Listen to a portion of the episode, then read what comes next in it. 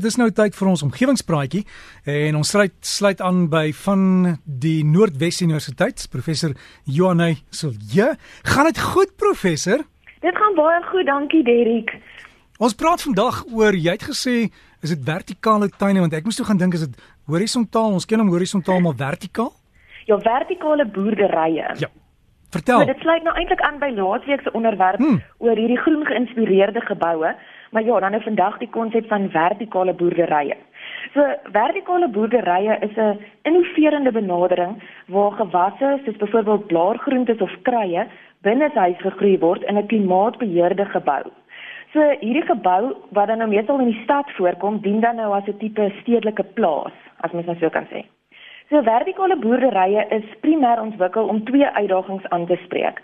Eerstens was dit voedseltekorte as gevolg van nou die groeiende wêreldpopulasie en tweedens om meer voedsel in stede te kan voorsien. Aangesien die koers van verstedeliking voorspel dat byna 80% van die mense oor 30 jaar in stede sal woon. So daar moet nou innoverend gedink word oor voedselproduksie in stede en vandaar die konsep van vertikale boerderye. Nou 'n vertikale boerdery lyk natuurlik baie anders as ons tradisionele boerderye.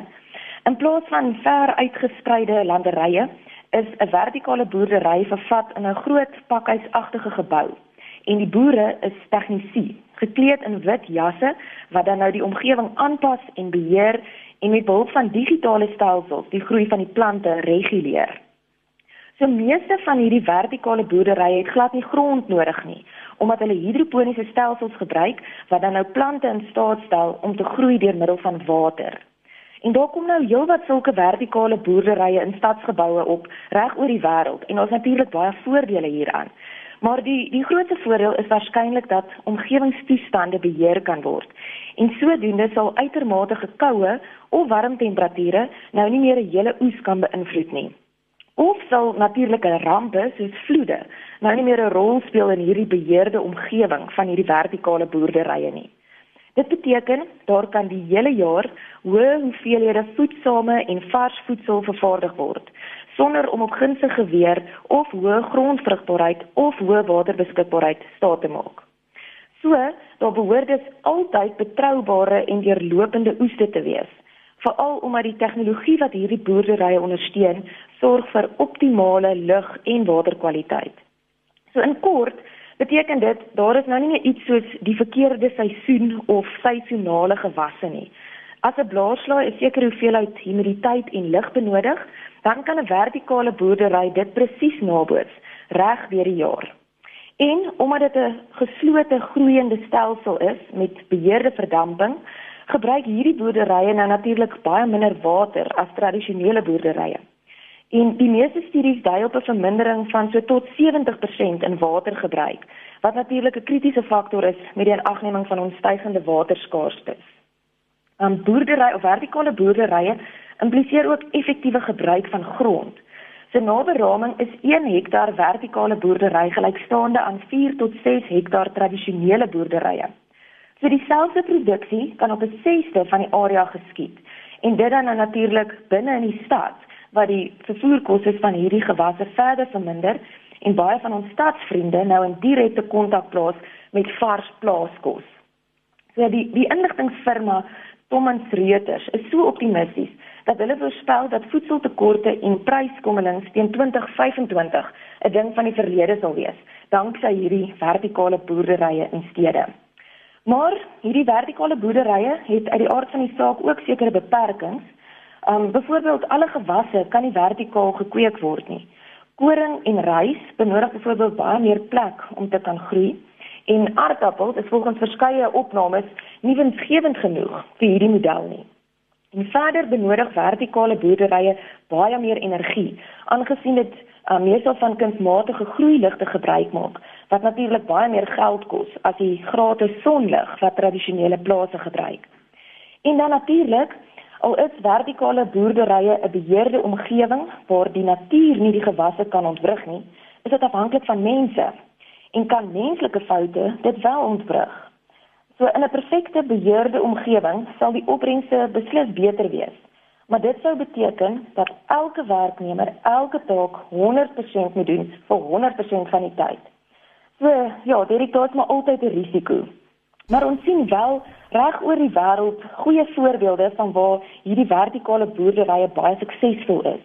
Soos byvoorbeeld die Sky Greens gebou in Singapore wat die wêreld se eerste kommersiële vertikale boerdery was. So dis nou basies 'n roterende kweekhuis met vier verdiepings wat elke dag 1 ton groente vir die stad produseer. En dit is nogals indrukwekkend vir 'n land wat sowat 93% van sy produkte invoer, aangesien daar beperkte landbougrond is. Maar ja, wat beteken hierdie vertikale boerderye vir vir die toekoms en vir ons omgewing? Gaan vertikale plase ons landboumodel op sy kop kom draai en tradisionele plase heeltemal ontwrig? Wel op op hierdie stadium lyk dit onwaarskynlik. Vertikale boerderye is nog in hulle kinderskoene en meer navorsing sal gedoen moet word om te bepaal hoe om dit op 'n groter skaal te laat werk en selfs of dit die moeite en die geld werd is. Maar juis omdat dit toekomstige voedselvoorsiening kan aanspreek, moet ons die kans aangryp en verder in hierdie inisiatiewe inkyk. En ons sal ook dalk kreatief moet wees om hierdie konsep suksesvol in Afrika te laat werk, veral omdat die aanvangskoste van so 'n projek enorm kan wees en baie Afrika stede nie daardie tipe kapitaal het nie.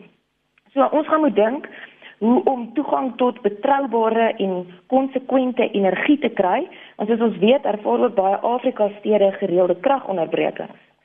So dis ook tyd dat al werklik gekyk word na 'n Afrika model vir hierdie vertikale boerderye waar byvoorbeeld sonkrag nog meer geoptimaliseer kan word. Maar dit sal ook beteken dat wetgewing ten gunste van grootskaalse vertikale boerderye ontwikkel moet word en dit moet ondersteun in terme van die finansiering. Maar ter afsluiting is my groen gedagte vir die week dat vertikale boerderye 'n nuwe era vir voedselproduksie beteken wat heel moontlik nog baie van ons as omgewingsvriende se insaag gaan benodig. Maar ons sien uit om te kyk waar Dawid die wortels gaan begrawe in die toekoms. So as jy dalk weet van 'n goeie inisiatief, e-pos asseblief vir my by omgewingspraatjies@gmail.com of deel dit op ons Facebookblad sodat ons almal bymekaar kan leer en meer kan verstaan oor hierdie moontlikhede van vertikale boerderye. Uh, ja nee, ek gaan ook vir jou huiswerk binnekort gee, maar ek het nou die dag het ek 'n foto gesien van iemand wat hulle jy weet hierdie lelike grys precast mure wat jy kry.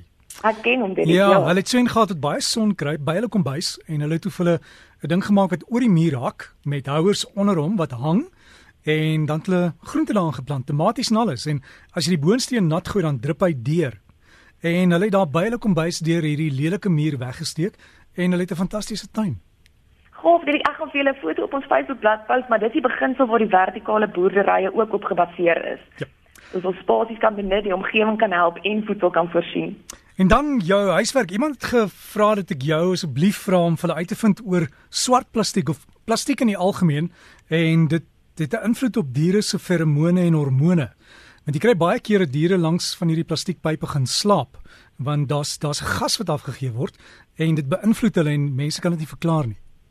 Dis reg, Derek. Ek het nog 'n aanklop by my my um kollega in die gebou hier langs ons. En streeksbeplanning is weet nie soveel baie van dit nie, nee, maar ek sal gaan aanklop en vir jou kom antwoorde kry. Ja, want iemand het my gesê tot tot die asblikke, weet jy, die munisipale asblikke wat jy kry van die diere word deur hulle ook aangeraak.